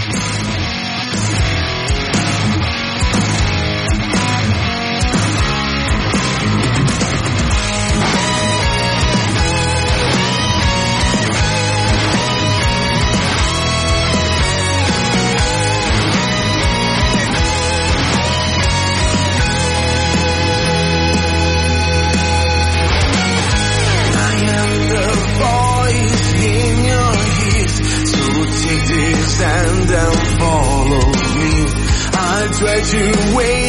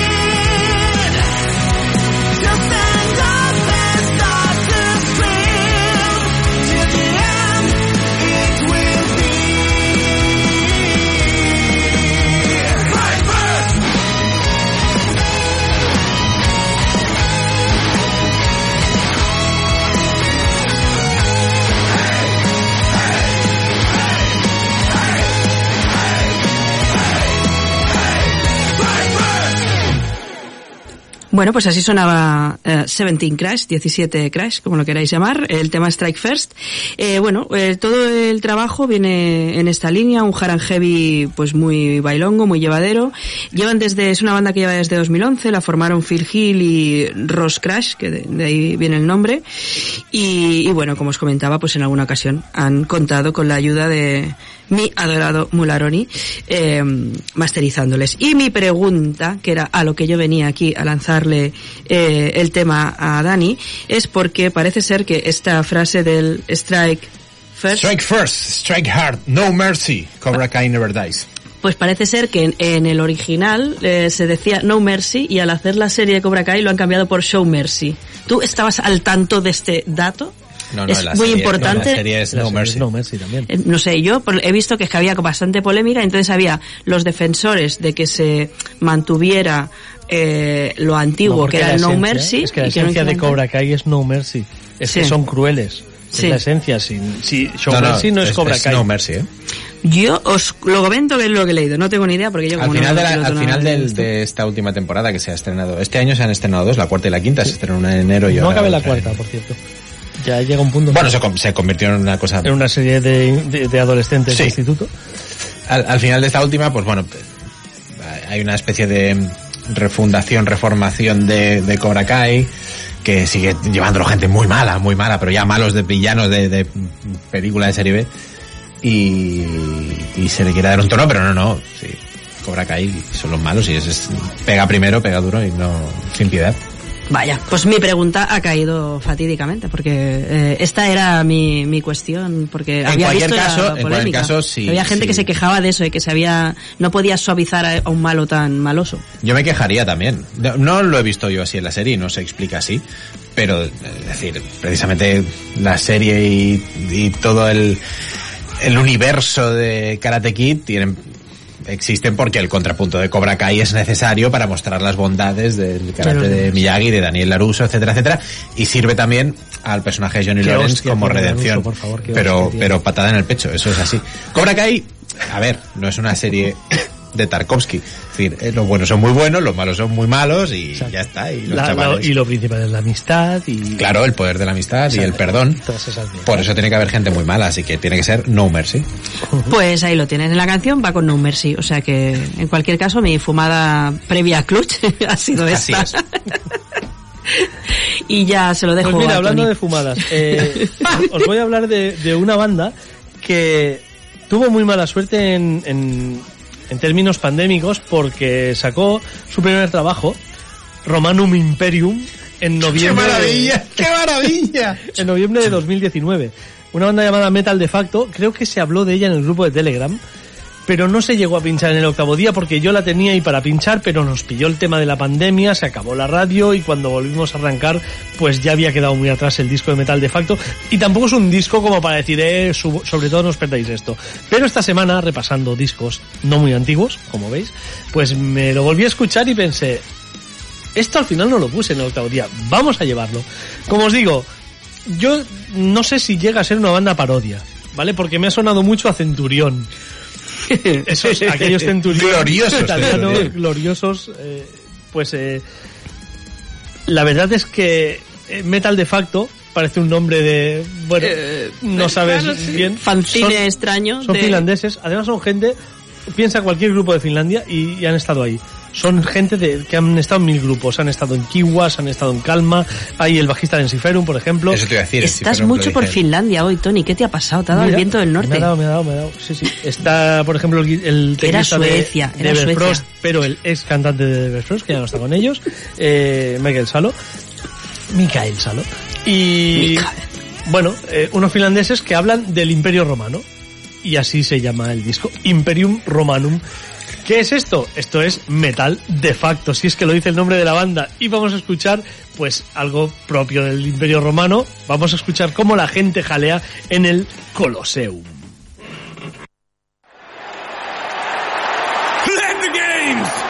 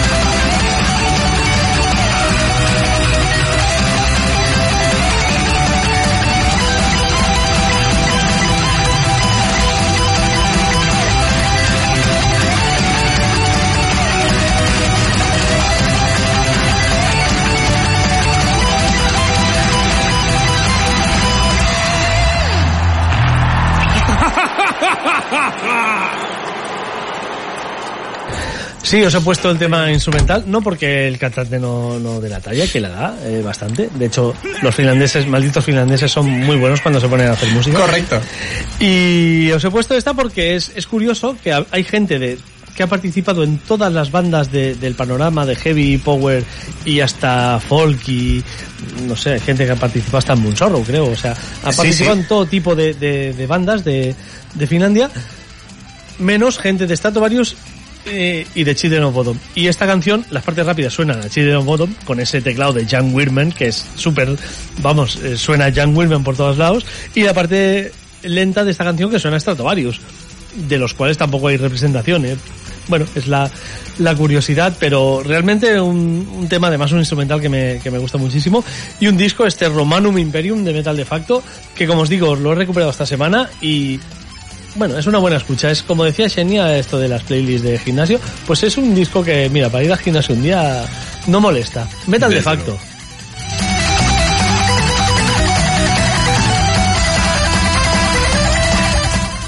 Bueno, y ahora sí me voy a adentrar en la, se- en la sección Metal Samurai, me voy a Japón. Y eh, además un tema que le quiero dedicar a nuestra querida Bri.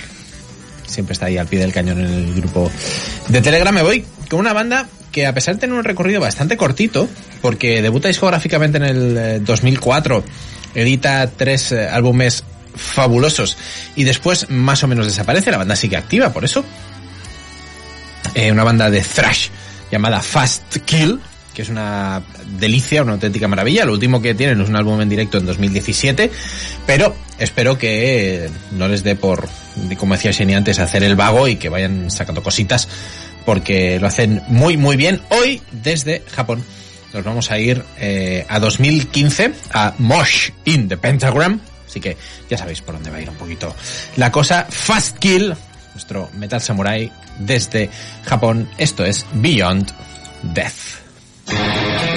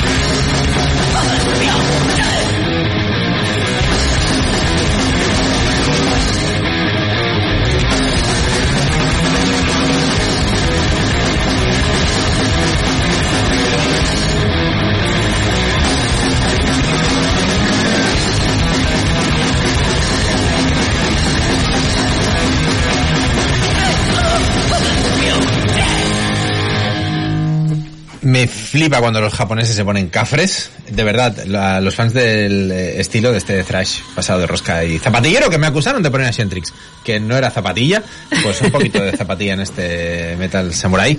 Infernal Thrashing Holocaust, 2004. Nuclear Thrashing Attack, 2007.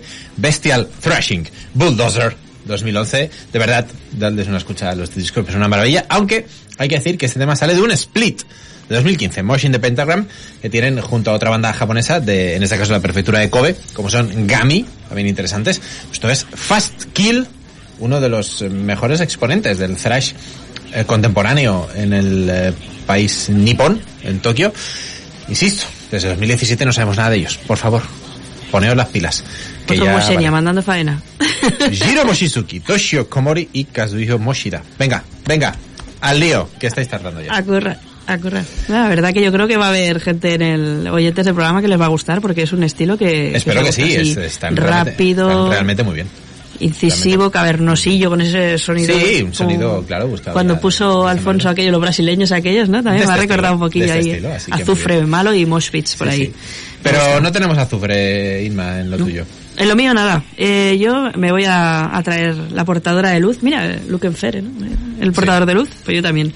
Eh, me salgo del azufre y me vengo a, a un poquito de luz buena con Épica, que nos han eh, sorprendido últimamente, bueno, el 11 de noviembre en concreto, con un EP que han sacado eh, con participaciones con otros artis- artistas. El EP se llama The Alchemy Project y de aquí venía mi insistencia siempre, o sea, siempre estoy insistiendo a todo el mundo que pone en el chat temas donde hay colaboraciones con artistas por preguntar, pero ¿por qué lo han hecho? Soy muy pesada con esto. ¿Por qué lo han hecho? ¿Es porque están en la misma compañía? ¿Es porque tal? En el caso de Épica han ido buscando sonoridades, que es una cosa que, bueno, son bastante frikis esta, esta gentes, tienen una mente bastante friki. Cuando componen, pues suelen intentar componer pensando en si van a invitar a tener músicos invitados, como podrían hacerlo. En este caso, a pesar de que a mí el EP me gusta mucho y yo os lo pondría entero, he elegido un tema porque él, la persona que colabora, creo que es de muy del agrado del programa. Eso es así. Así que no voy a decir quién es, voy a hacer como el otro día, a ver si lo aciertan. Pero no es Mirkur. No es Mirkur, que sería eh, la primera opción, que sé que es la que más gusta. Hay un tema que canta con otras que mm, sirenas de estas, no me acuerdo cómo se llama aquella formación, pero no, este no. Esto, esto es de Épica, de su último EP, The Alchemy Project, y el tema se llama Wake the World.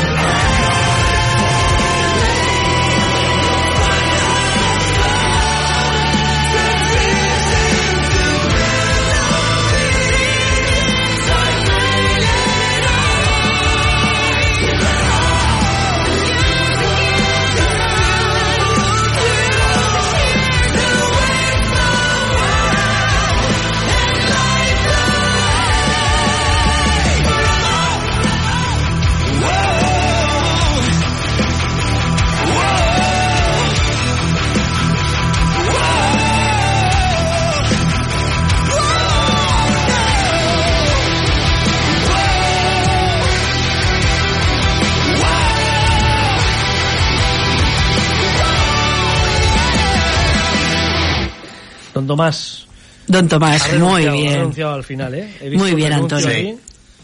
Don Tomás, Tommy Karevic eh, estaba a las voces y de retruc, no sé cómo se dice, de, de rebote. Además os he colado a Phil Lanson, que estaba de, de Uriah Heep, así conocido teclista Uriah Heep, que estaba ahí decorando y sobre todo se ha notado mucho la influencia al principio de, de- del tema, ¿no? Está muy bien porque le da ese rollete pues del, del progresivo se- setentero que no te esperarías encontrar nunca en Épica, que es un grupo un poco más eh, melódico, más grandilocuente, de orquestación, y bueno, eh, le da un toque muy chulo, la verdad, porque como que arraiga un poco la canción y no es lo que te esperarías en un disco de épica. A mí en general el EP me ha gustado mucho, me parece pues eso, que tiene los elementos que suele tener épica, tiene belleza, tiene melodía, tiene sus partes guturales también, que son las que tengo que, para mi disgusto, sufrir, que son las que me gustan trabaja menos. ahí, trabájalas. Pero bueno, eh, creo que están metidas con mesura y donde tienen que estar y lo recomiendo porque la verdad que también las colaboraciones son muy buenas y como os digo, están pensadas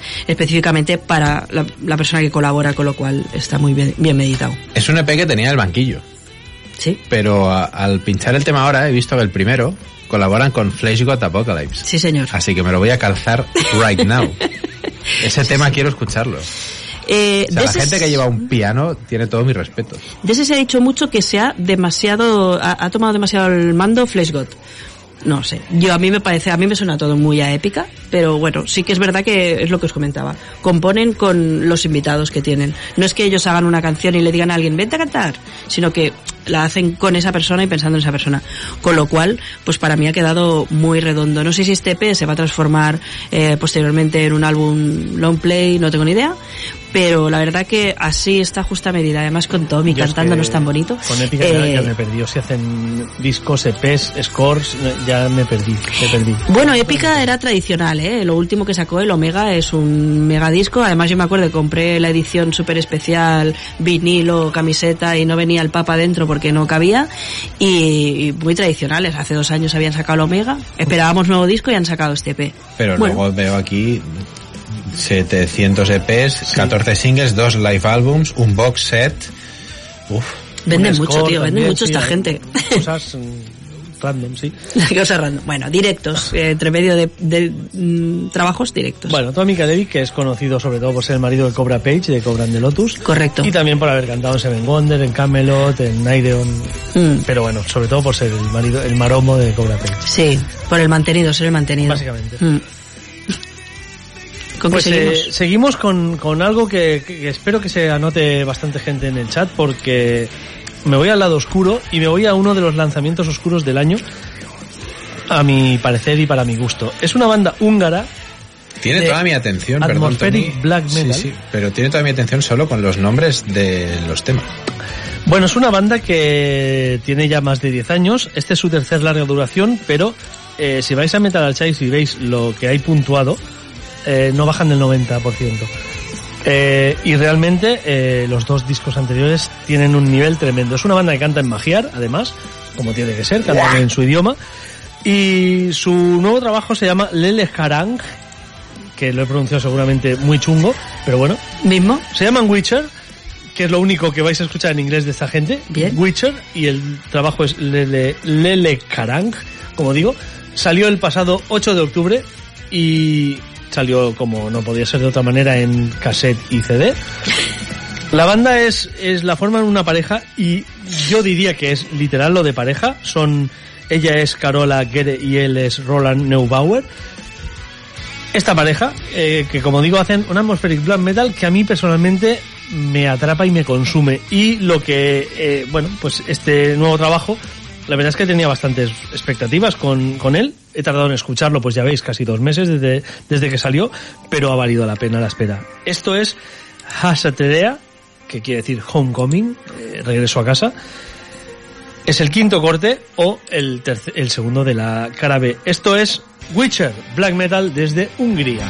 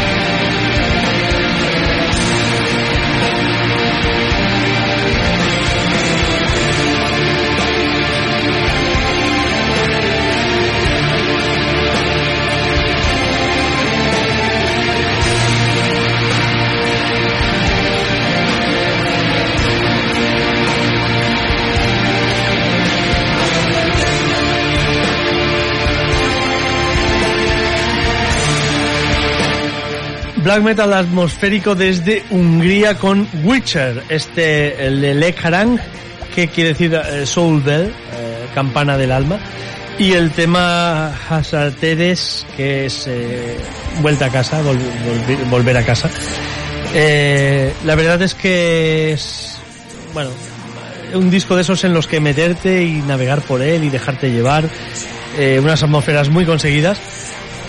Editan a través de Philosoph- Philosophem Recordings, lo cual te puede recordar eh, un poco, ciertamente recuerdan a los pasajes atmosféricos de Multum en algún, en algún momento, pero la verdad es que eh, se me ha olvidado también decir antes que he dicho que salía en cassette y en, y en CD. También ha salido dos ediciones en vinilo, a color, dos ediciones limitadas a 200 copias y todas estas cosas que, que creo que estoy tardando bastante en 100 encargar. copias pone, ¿no? 100 copias de Sí, cada 200. tipo de vinilo, Sí, ¿no? Son 200 vinilos en dos colores diferentes, 100 copias de cada uno. Eh, me, pediría, me pedirían más, si, es que, si es que aún queda. Y bueno, pues lo dicho, seis temas que componen este disco, en el cual os recomiendo muy mucho que os metáis, os dejéis llevar por él y, y ya me explicaréis la experiencia. Eh, ¿Black metal atmosférico? Sí. ¿Siempre? Pues no siempre, pero No. cuando entras, la verdad es que entras. Y creo que Witcher en el estilo es de lo más destacable de, de este año, por lo menos lo más destacable que he escuchado yo en 2022 en este, en este estilo. Witcher con Lele Harang.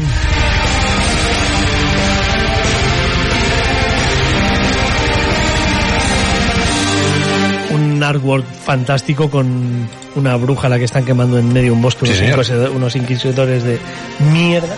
Y bueno todo todo muy bien cuidado De la conocida en el mundo como Inquisición Española, es una de nuestras Sí, señas sí, como no. Yo me voy con algo muy rapidito que se nos acaba el tiempo. Me voy de nuevo a Suecia con uh, otra banda que regresa con un eh, disco que acaba de salir, una banda ochentera, una banda que debutó a finales de los 80. Luego se dieron un breve descanso hasta 2019. Eh, pero bueno, parece que ha cogido carrera. En 2022 llega Steel Rising. Hablo de Steel Wings. Quizá oyentes veteranos que gusten del hard rock, del true metal, del heavy metal, los conozca. Yo no los tenía nada ubicados, pero ahora se sacan de la manga un buen disco de hard rock y heavy metal. Suena así, lo nuevo de Steel Wings, Hell or High Water.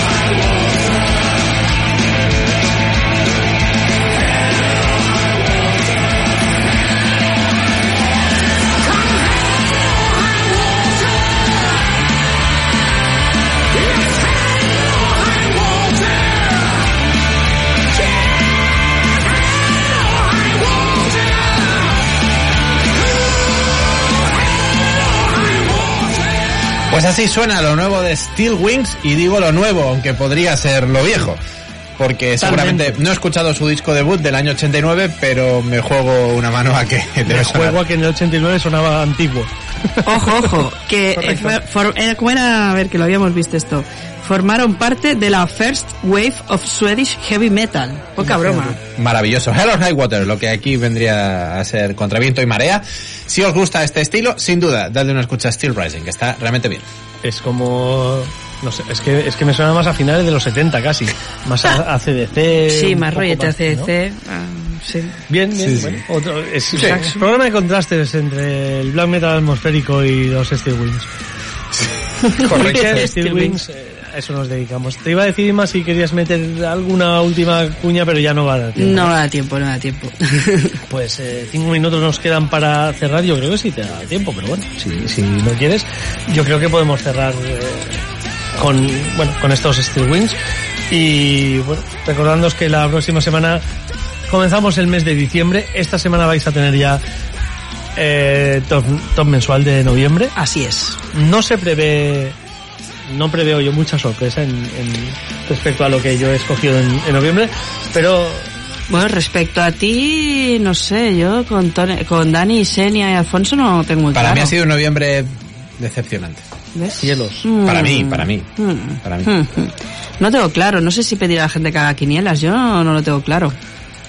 No tengo muy claro. Yo El tuyo tengo, yo tengo casi. clarísimo. Yo tengo dos discos muy, muy, muy destacados de este mes. Mucho. Has, has sido muy Entonces- constante, eh, has trabajado mucho, se te ha visto.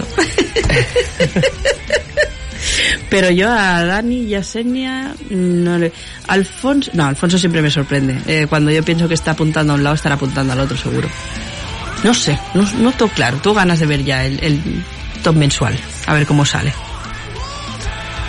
Pues, Pues, eh, ¿a sorpresa Dani o no en el top mensual? El mío no. El Cero- tuyo no va a tener sorpresa. sorpresas. Hombre, tienes que poner alguna banda, ¿eh? También te digo que sea decepcionante. Me lo tengo que pensar mucho. Pues tendremos eh, a lo largo de esta semana, ¿no? en que se cumple el día 1, pues tendremos, eh, como siempre, el top 10 de canciones, que aún no he recibido ni una Uh. de vuestra parte. Vaya. Y tendremos ese podcast con el top 10 de canciones del mes de noviembre. Y tendremos eh, en breve el vídeo con los destacados también. El próximo domingo tendremos tres horas. eh, en este caso a Inma le vamos a dar fiesta. Voy a dar baja, sí. Por un tema.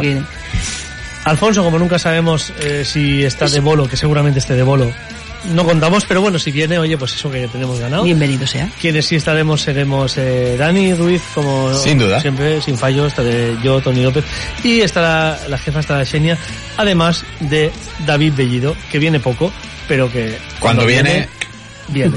Y esperamos contar con él el próximo viernes, aprovechando que, eh, el próximo domingo, aprovechando que viene esa semana tan rara con esos puentes ahí en medio, o no El puentes. acueducto. o- semana. Segoviano este que viene. En definitiva, que esperamos que os haya entretenido el programa de hoy, que nos sigáis en redes, seguimos hablando todas las semanas en las distintas de- redes. Haceros una cuenta de TikTok para seguirnos en TikTok. Sobre todo Ah, al influencer ¿vale la de Tony. Es Ah. que solo por ello ya vale la pena. No, yo, yo no- ni siquiera sé lo que es TikTok. Pero Xenia nos enreda. No se enreda. Y sobre todo añadiros al canal de Telegram, que estamos ahí súper Exacto. entretenidos. Y comentamos el programa en directo y luego en diferido. Quienes lo escuchan el lunes por la mañana lo vuelven a comentar. Y está, señor. está muy bien. Y además aprendemos un montón de música. Cierto. Mientras tanto, os dejamos con la programación de Radio Cornea. Nosotros volvemos el próximo domingo. Hasta entonces, adiós, gracias. Adiós. Adiós.